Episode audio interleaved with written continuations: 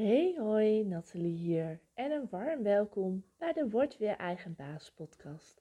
De inspiratiepodcast, zodat ook jij bewust eigen keuzes kunt maken in je persoonlijke en zakelijke groei. Hey, wat leuk dat je weer luistert. Vandaag is het 5 mei 2022, bevrijdingsdag. En ik vond het tijd worden voor een nieuwe podcast. Het is eventjes geleden en er gebeuren zulke mooie, wonderlijke dingen dat ik dacht, laat ik jullie even meenemen in dit proces. Vanmorgen had ik een buddy call met mijn business buddy Michelle uit België.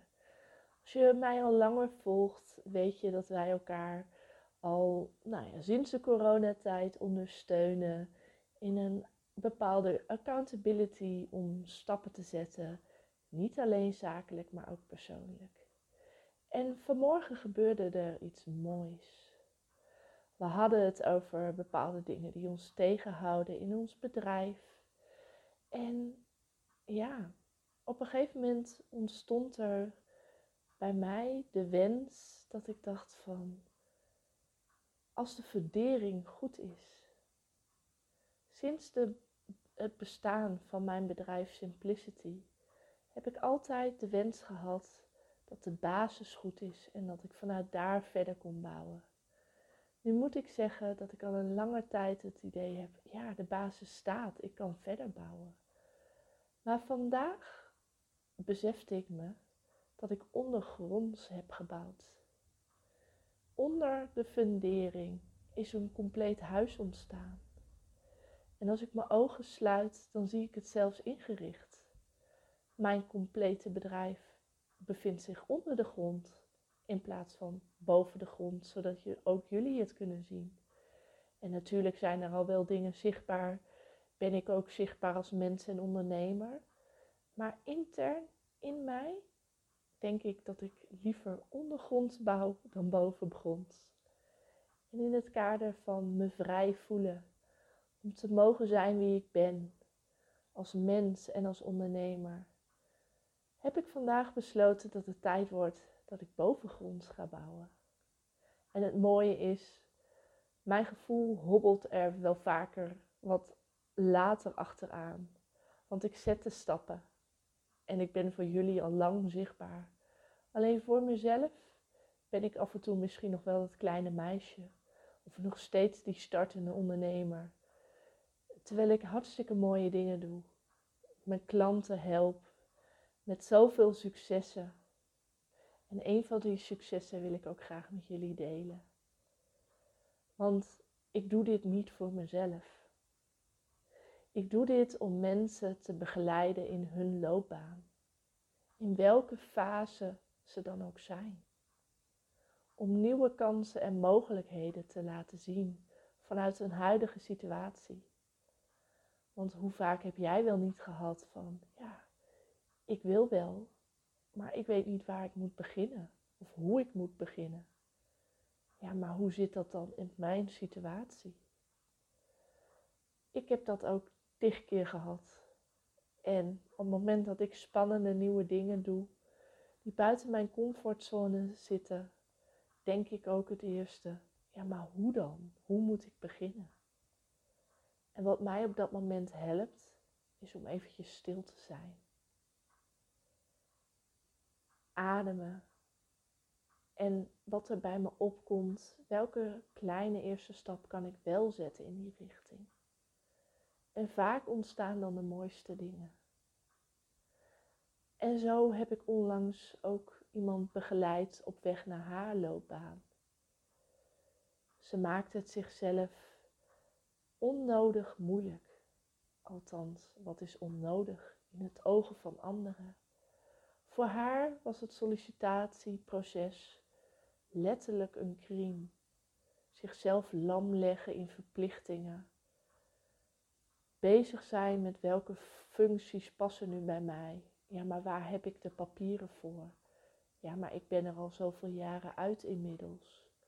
Allemaal gedachten en niet passend bij de vacaturetekst. Waardoor het solliciteren op zich voor haar niet alleen een dagtaak, maar een weektaak werd. Dat zwaar rust op haar schouders. Allereerst zijn we eens gaan kijken naar hoe dat voor haar was, hoe ze dat ervaarde, wat ze daarin deed. En we hebben eigenlijk hele kleine dingen aangepast. Ik heb haar geholpen op welke manier zij keuzes voor zichzelf kan maken. Keuzes die voor haar goed voelen, in plaats van keuzes waarvan ze denkt dat het zo hoort of zo moet, of ze het verplicht is. En zo ontstond er eigenlijk dat ze vol trots die week twee sollicitaties de deur uitdeed, terwijl ze daar soms weken over deed en eigenlijk dan nog nooit tevreden was met het resultaat van de brief en al helemaal niet van de uitkomst. Want afwijzing na afwijzing deed iets met haar eigen waarde en het gevoel van kunnen doorzetten, steeds machtelozer in haar situatie.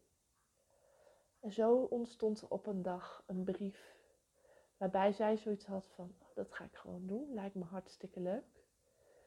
En waar ze normaal gesproken dagen over de brief deed en het even liet liggen, was deze al gepost, gepost voordat ze er erg in had. En tot haar verbazing werd ze uitgenodigd voor een gesprek. En op dat moment sloeg weer eventjes de paniek toe, want dat was immers ook al heel lang geleden.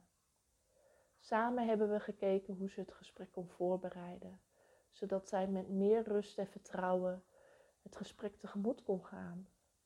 Maar ook wat zij zelf kon doen op het moment dat de dag van de sollicitatie was. Door kleine dingen aan te dragen ontstond er bij haar een stukje rust.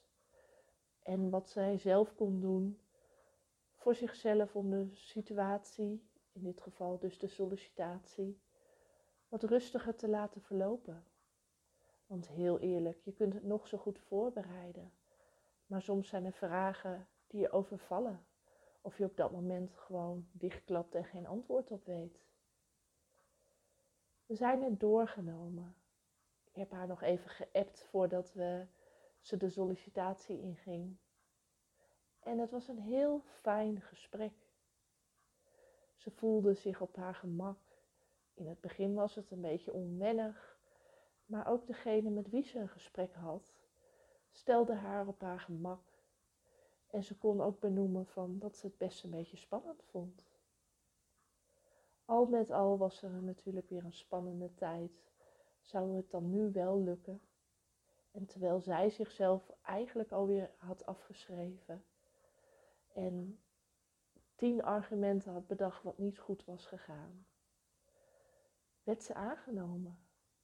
Aangenomen voor een baan waar ze met veel plezier naar uitkeek om te gaan werken.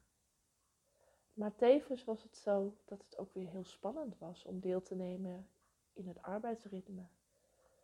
Wanneer, hoe zit het met de reistijden? Maar ook wat trek ik aan?